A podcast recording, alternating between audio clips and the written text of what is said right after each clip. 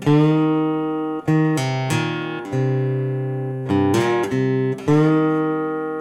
ben Michael Rubinstein en speel snaarinstrumenten. En ik ben Christian Velser en ik speel piano. Wij spelen in Elsje en de Bluesmannen, actrice Elsje de Wijn en zes muzikanten.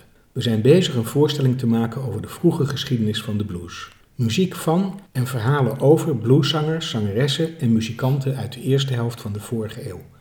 Door corona moesten we het werken aan de voorstelling tijdelijk onderbreken.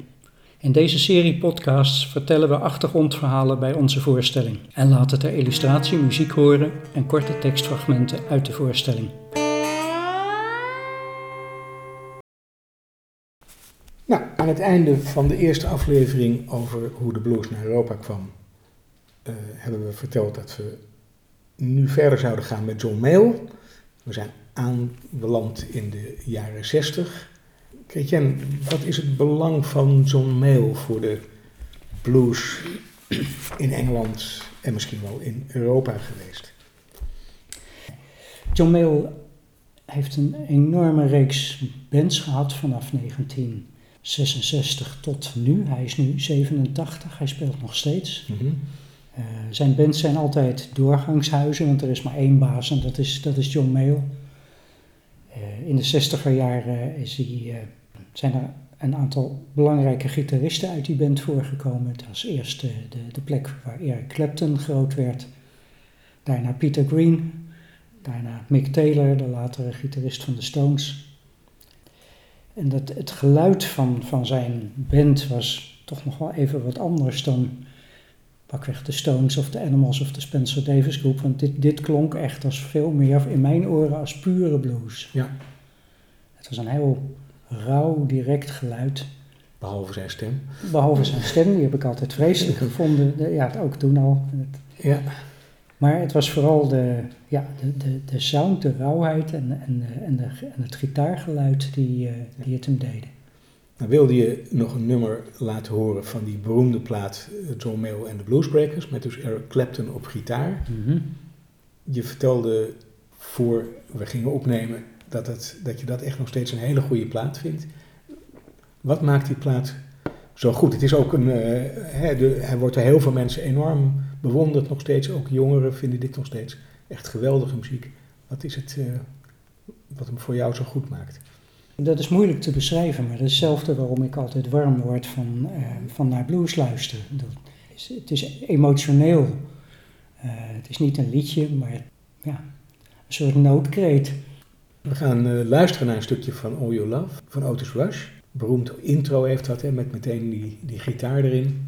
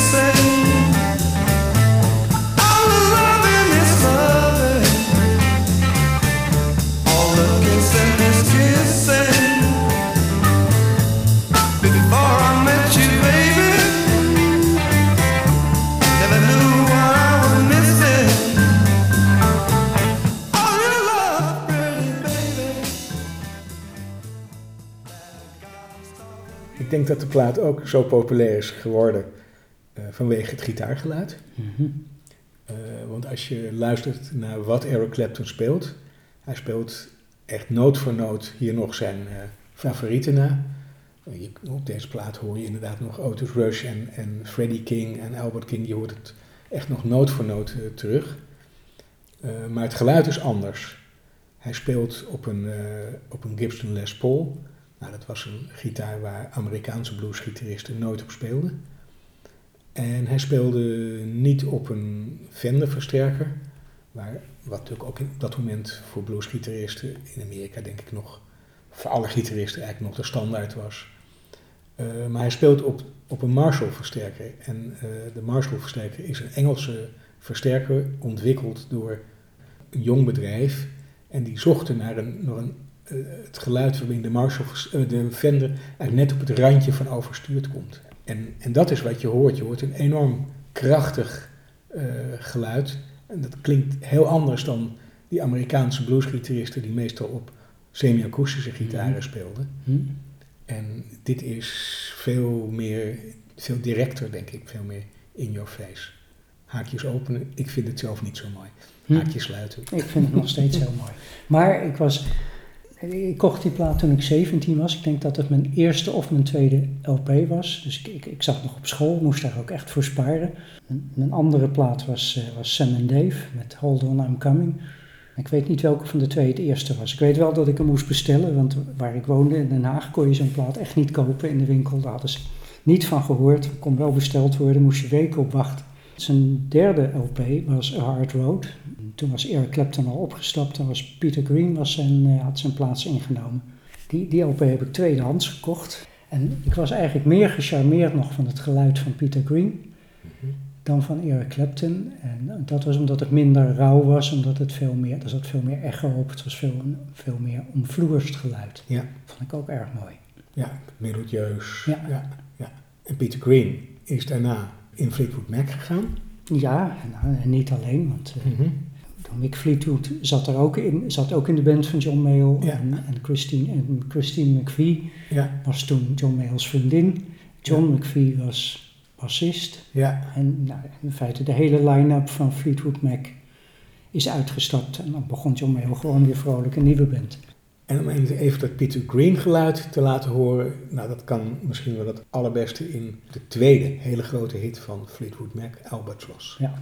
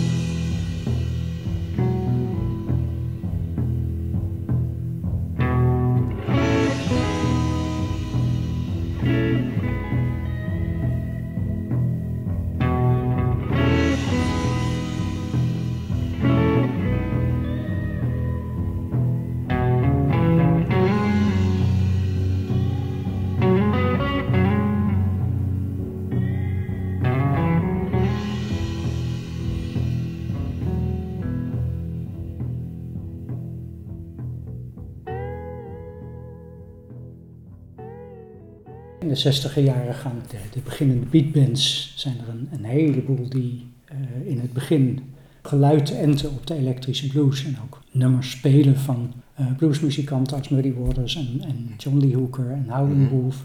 Uh, ze halen ze ook, naar, ook naar, naar Europa toe. De Yardbirds die spelen met Sonny Boy Williamson. Niet om aan te horen als je dat nu hoort. Een enorm gepiel, maar ik heb het EP'tje. Je hebt het EP'tje. Hmm. In ieder geval, het is misschien wel leuk om even... Hè, dus de, andere bands zijn de Animals, uh, de Who zelfs in het begin. En heel erg geënt, zei ik al, op elektrische blues. Maar de Stones die hebben ook nummers opgenomen uit de tijd van de, van de Delta Blues. Het is wel leuk om misschien één nummer even te laten horen. Dus You Got The Move van, nou moet ik even nadenken. Ja, dat is niet echt van iemand. Dat, het is heel bekend geworden van Fred McDowell. Ja, precies. Die maar het is eigenlijk al veel ouder dan dat. Je kunt niet echt uh, vastpinnen op één iemand die het uh, geschreven heeft. Goed, You Gotta Move.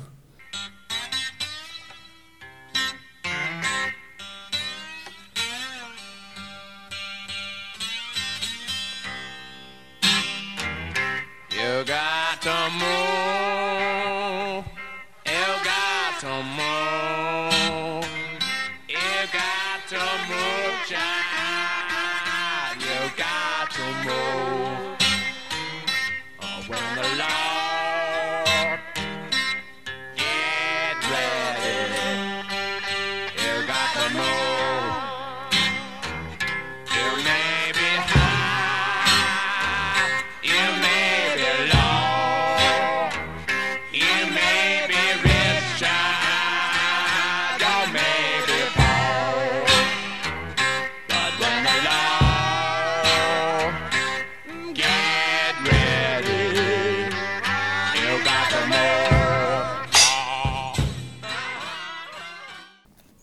Stones.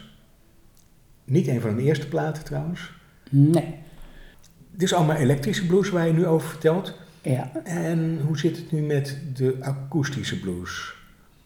Ja, die akoestische blues, hè, die, daar, daar vertelde ik al over. In de, in de 50er jaren komt de ene na de andere bluesartiest komt naar Europa. En in het begin van de 60er jaren is die belangstelling zo groot dat ze besluiten om, eh, om ieder jaar met een, een, een festival op pad te gaan. Dus de American Folk Blues Festival komt vanaf 1962 tot, nou, ik denk 1968, zo ongeveer, komt ieder jaar komt er een hele karavaan komt, eh, naar Europa en die spelen in Duitsland en in Frankrijk. En ik weet niet welke andere landen. Ik heb plaatopnamen uit Duitsland en Parijs gezien, maar... En waarom noemen ze dat folkblues? Want je hebt ook het Newport Festival, dat noemen ze ook folkblues. Ja, ja. Volgens mij gebruiken ze folkblues en country blues een beetje door elkaar heen. Hmm. En staat het vooral voor akoestische blues. Ja. Ehm, maar ik kan me ook voorstellen dat, dat het folk blues heet, omdat de belangstelling voor folkmuziek ook weer toeneemt in die jaren. Ja. Eh, met Peter Paul en Mary en Bob Dylan, eh, de mama's en de papa's, Pete Seeger. John Sebastian. Ja. Ja. Even kijken, want Je hebt, je hebt daar nog een plaat ik liggen. heb, ja, ik heb hier een, een, een, eh, een plaat liggen van het Newport Folk Blues Festival. Dat is een beetje de Amerikaanse pendant ervan. Ja, en wie spelen daar dan op? Nou, Sonny Terry, John Lee Hooker, Mississippi Hurt, Skip James, Ja, Sleepy John Estes. ja, Veel dingen die ik inderdaad gewoon country blues zou noemen. ja. Maar ja, het werd toen inderdaad folk blues genoemd. Kennelijk bekte dat beter of verkocht dat beter. Ja. En de namen die je noemt is precies de line-up van de eerste, de eerste eh, sessie van het Folk Blues Festival. Je kunt, er is een website, daar kun je nog van ieder jaar kun je zien wie er, wie er optrad en, en met welke nummers. En in het jaar 1962 zijn dat precies de namen die je hier noemt. En ja, dat zijn dus eh, de, de, de, de blueszangers uit de, ja, eigenlijk alle decennia van voor de Tweede Wereldoorlog. 50 jaren, 40 jaren, 30 jaren en zelfs een paar blues queens uit de 20 jaren. Die komen op hoogbejaarde leeftijd komen die ook weer mee. We luisteren naar de eerste uitvoering van het Blues and Folk Festival 1962. Eh, Willie Dixon samen met Memphis Slim in I Just Wanna Make Love to You.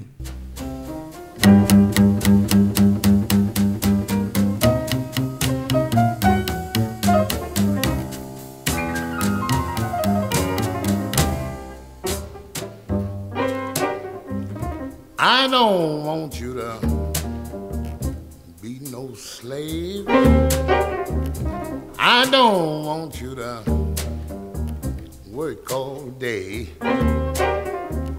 I don't want you to be true, but I just wanna make love to you. Love to you. I don't want you to wash my clothes. I don't need you to keep and hold. I don't want your money too, but I just wanna make love to you. Even kijken. Ja, we gaan, van, eh, want we, we zijn net Engeland, is een beetje de poort. En als we het hebben, de blues komt naar Europa, dan weet ik niet of Zweden en Rusland en, en, en Tsjechië daar nou zo ontzettend veel van hebben opgestoken. Wie weet van wel hoor, maar daar, daar weet ik niet zo heel veel van. Ja. In ieder geval weet ik dat zeg maar in Frankrijk en Duitsland en Nederland, die volgen steeds allemaal zo'n paar jaar na Engeland. Ja. Dus mijn, aan het eind van mijn tienerjaren, eh, als, ik, als ik net nog op de middelbare school zit, dan eh, komen de eerste bluesduo's die komen op in Discrimination en de Subterraneans in Den Haag. Ik woonde in Den Haag. Ja. Philip Kronenberg en, Sonny, eh, en, en, en Ton van Bergheid, Philip en Sonny. En daaruit eh, komen weer de grotere bands voort, zoals Living Blues. En in het oosten van Nederland is ook een, eh, in Drenthe ja, is ook het, het Nederlandse icoon QB en de Blizzards. Ja. En uh, nou, als we het over QB en de Blizzards hebben, dan is het misschien wel mooi om onze percussionist uh, Jan Boelo even aan het woord te laten. Dan kan die zichzelf ook even voorstellen en vertellen hoe hij bij de blues en bij QB is gekomen. Jan Boelo, laten we bij het begin beginnen. Uh, wanneer ben jij gaan drummen?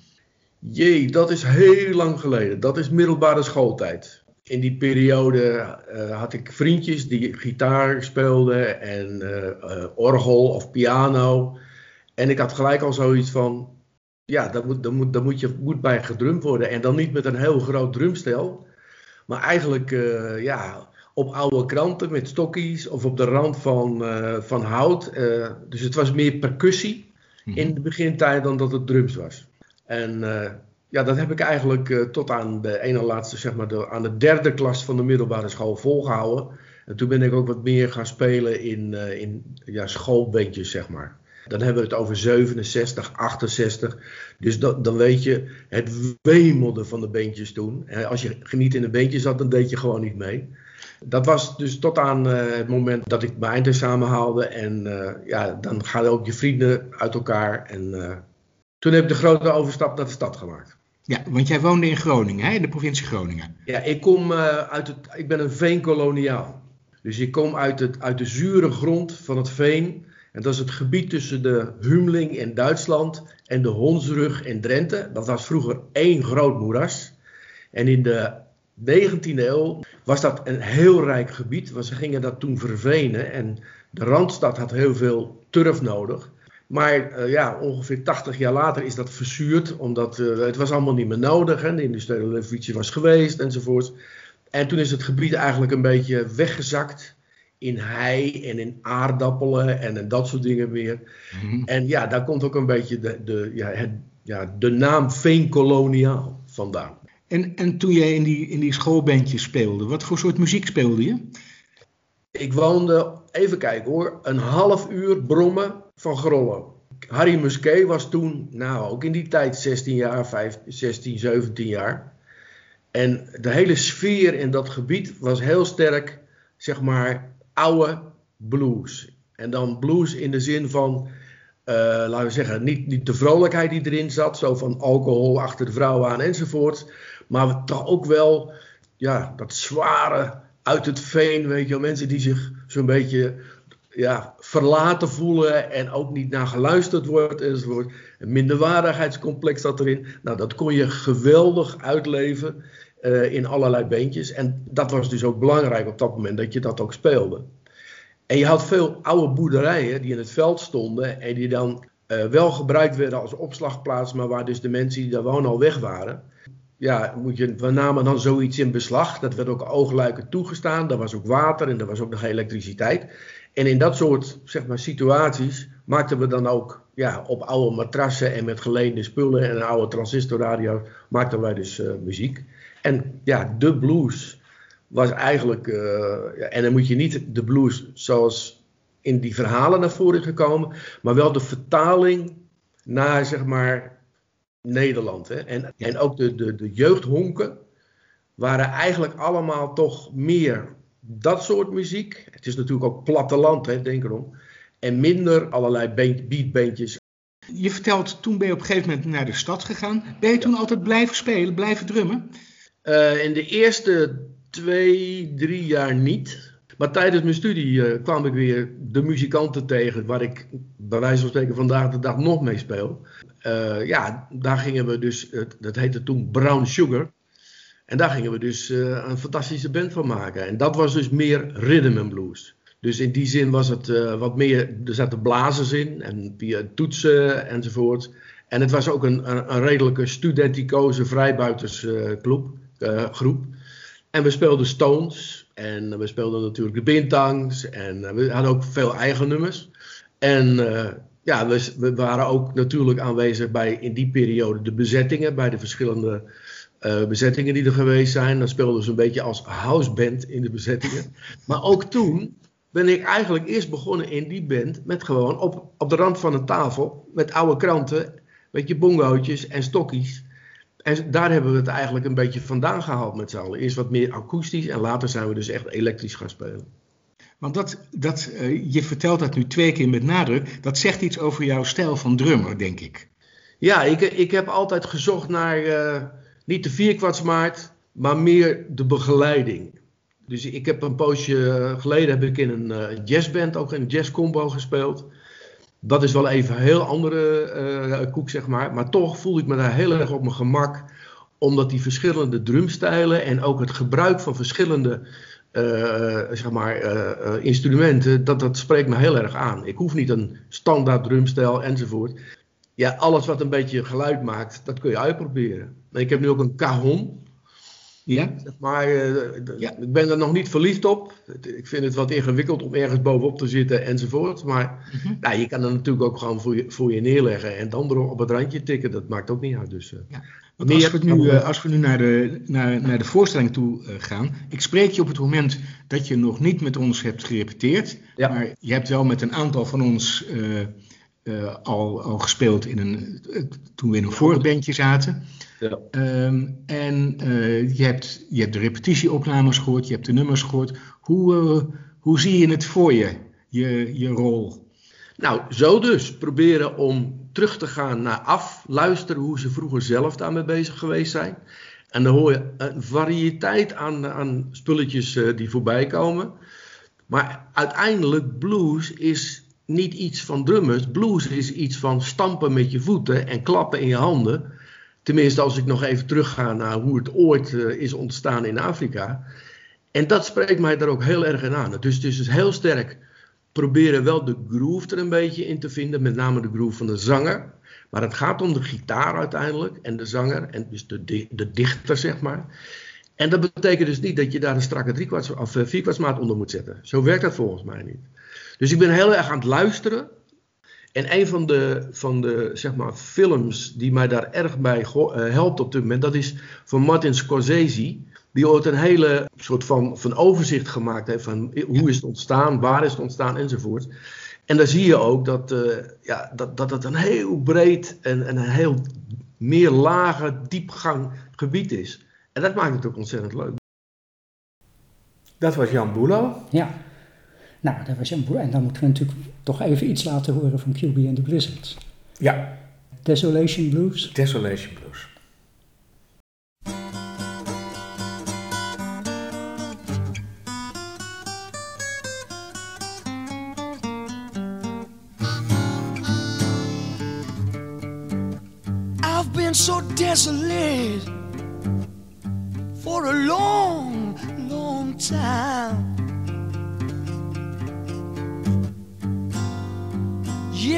I've been so desolate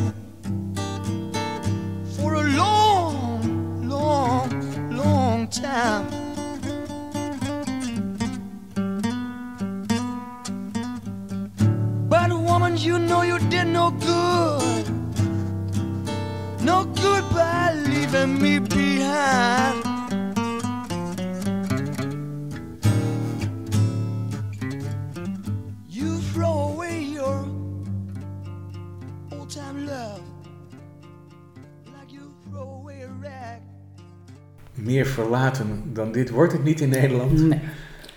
Nou is grappig eigenlijk dat jij begon met te vertellen dat de blues heeft zijn tweede oversteek gemaakt uh, eerst vanuit Afrika naar Amerika en nu dan vanuit Amerika naar Europa. En nu gaat het in zekere zin ook weer een beetje terug naar Amerika. Ja, de door de populariteit van, uh, van, van de, witte, de witte bluesmuziek in, in Engeland en Europa, ja, lijkt het wel, of is het zo, dat in Amerika ook weer opnieuw belangstelling daarvoor komt. En de blues daar eigenlijk ook weer een, ja, een, een nieuwe ontwikkeling doormaakt die je zou kunnen beschrijven als ja, het, het mengt zich wederom weer met andere muziekvormen. Dus je krijgt bluesrock. Ja. En je krijgt bluesbands die toch meer liedjes spelen dan de, de hele vaste bluesstructuur. Ja. ja. En een hele belangrijke kenmerk is ook de enorme aandacht voor, voor, uh, voor, voor instrumentalisten en, en, solo's. Ja. En dan met name gitaristen natuurlijk. Uh, Vind je het eigenlijk een goede ontwikkeling? Nee, ik, vind dat ook, ik heb dat altijd vrij vervelend gevonden. Ik, uh, van die platen, jij, jij, weet er vast een voorbeeld van, daar ben je beter in qua geheugen als ik met van die ellenlange gitaarsolo's. De Allman Brothers. De Allman Brothers, hè? Ja. Uh, live at the Fillmore. Ja. En dan is één, is er, heb je nummers van één kant. Ja. En uh, ja, ik, ik ben dan wel gitarist, maar ik vind het ook echt niet om aan te horen. En ook, ja, toen, toen wel, toen, uh, toen dat verschijnsel opkwam van langere nummers. Ja. Uh, in de Garda da Vida, ja. een hele kant. Ja. ik vond het toen wel mooi, maar nu helemaal klaar mee. En ik kocht in die tijd, kocht ik deze LP, dat is East West van de Butterfield Blues Band. De Butterfield Blues Band was een, een gemengde bluesband, wat best bijzonder was. Paul, Paul Butterfield heeft ook uh, in de band van Muddy Waters gespeeld. In deze band zaten ook twee uh, hele bekende gitaristen. De allerbekendste is Mike Bloomfield, die jong overleden is. En de andere is Elvin Bishop, die nog steeds hele melige, moet ik zeggen, platen maakt. Hun eerste LP is traditionele Chicago blues. En dit is hun tweede LP. En die eindigt dan op, op kant 2 met het nummer East West. En dat duurt 13 minuten. En dat is dan met India's beïnvloede solo's, ellenlang van Mike Bloom, Bloomfield en, en Elvin Bishop.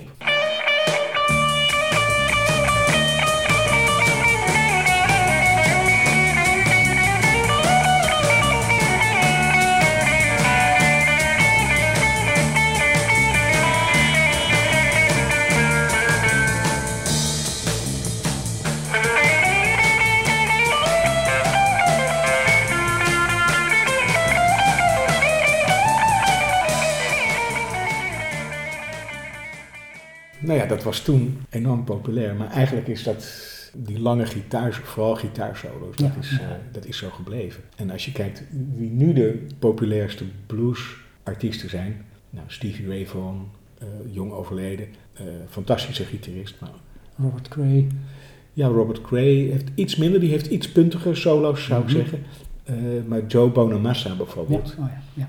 die speelt ook echt steeds meer de Engelse blues uit de jaren, uit de jaren 60 na. En dat is ook de ene solo na de andere.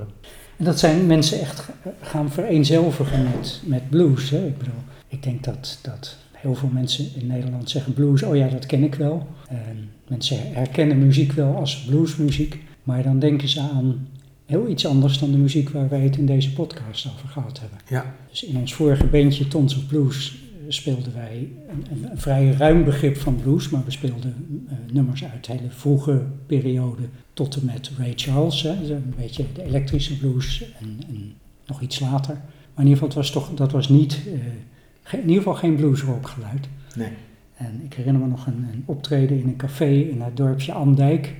Waar ongeveer evenveel publiek was als wij bandleden hadden, zodat zij ons niet alleen goed konden horen, maar wij hun ook. Ja. En waar wij in een pauze twee mannen tegen elkaar hoorden zeggen, ze doen wel erg hun best, maar het is geen blues. Nou ja, dat is, die, dat is de ontwikkeling eh, inderdaad geweest eh, van, van blues naar steeds meer virtuositeit op het instrument. Eh, in een eerdere aflevering hebben we het al even gehad over Bill Monroe en de, en de bluegrass. Daar heb je diezelfde ontwikkeling eerder gehad.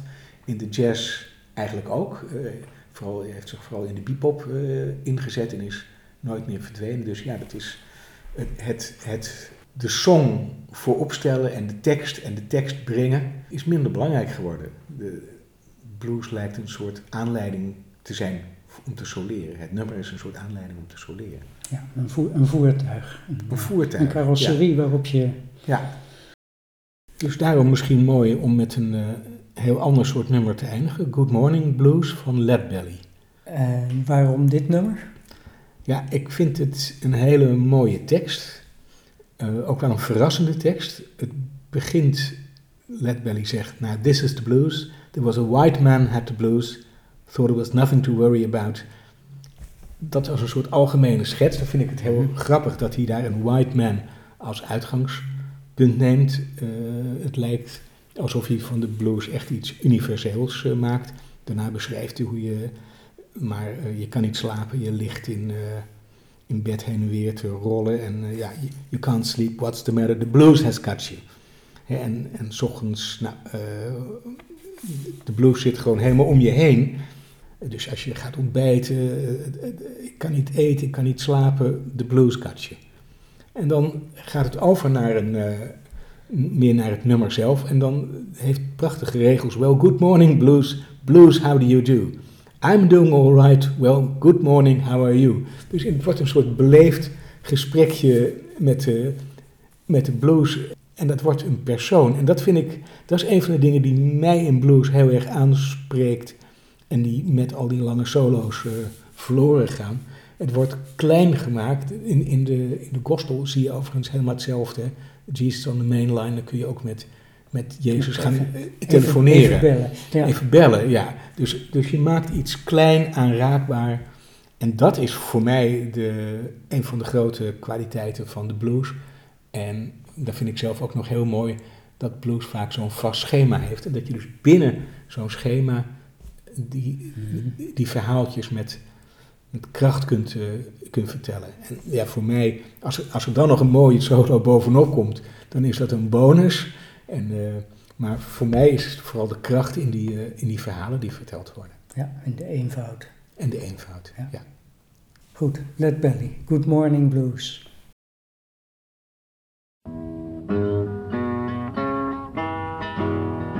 Now, this is the blues. Never the white man had the blues, cause nothing to worry about. Now, you lay down at night. You roll from one side of the bed to the other all night long. You can't sleep. What's the matter? The blues has got you. You get up and sit on the side of your bed in the morning. May have a sister and a brother, mother and father around, but you don't want no talk out of. What's the matter? The blues got you. Well, you go and put your feet under the table, look down in your plate, got everything you want to eat. But you shake your head, you get up, you say, Lord, I can't eat and I can't sleep. What's the matter? The blues got you. Want to talk to you. Hear what you got to tell them. Good morning,